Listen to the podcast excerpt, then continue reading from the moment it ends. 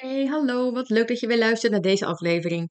Mijn naam is Esmeralda Hubner van Praktijk Connectie en met mijn podcastafleveringen hoop ik jou te voorzien van tips en inspiratie om jouw zelfvertrouwen te vergroten en meer liefde voor jezelf te voelen. Vorig jaar heb ik in de zomervakantie een week podcast gemaakt die ik van tevoren had opgenomen, zodat ik ook even vakantie heb van mijn podcast. Uh, en dat jij toch iets hebt om naar te luisteren iedere week. En vorig jaar heb ik een serie gemaakt over allerlei manieren om te visualiseren. Dus als je het leuk vindt om dat nog even terug te luisteren, kijk even bij um, ja, vorig jaar bij de zomervakantie. En dit jaar dacht ik, ik ga weer een serie plaatsen. En deze serie gaat over het doen van allerlei verschillende experimenten. Vorige week ging het experiment over het doen van aannames.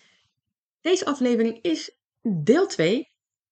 Het experiment van deze week is om dagelijks 5 minuten ongeveer in stilte te zitten. En kijk eens wat er dan gebeurt. Je hoeft niet eens je ogen te sluiten. Ehm, je kunt ook een kopje koffie of thee drinken in je tuin, luisteren naar de vogels, kijken naar de wolken, de wind op je huid voelen, je lijf even voelen. Het belangrijkste is dat je niet gelijk naar je telefoon grijpt als je even niks te doen hebt. Ga gewoon even zitten, luieren, lummelen, niksen. Vijf minuten per dag. Nou, moet makkelijk kunnen in theorie. In de praktijk zie ik dat het vaak niet eens lukt.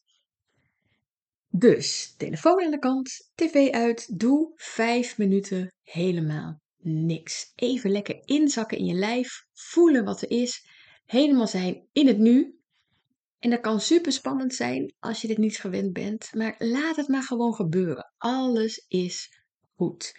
En doe dit een week lang, iedere dag, en kijk wat het je oplevert.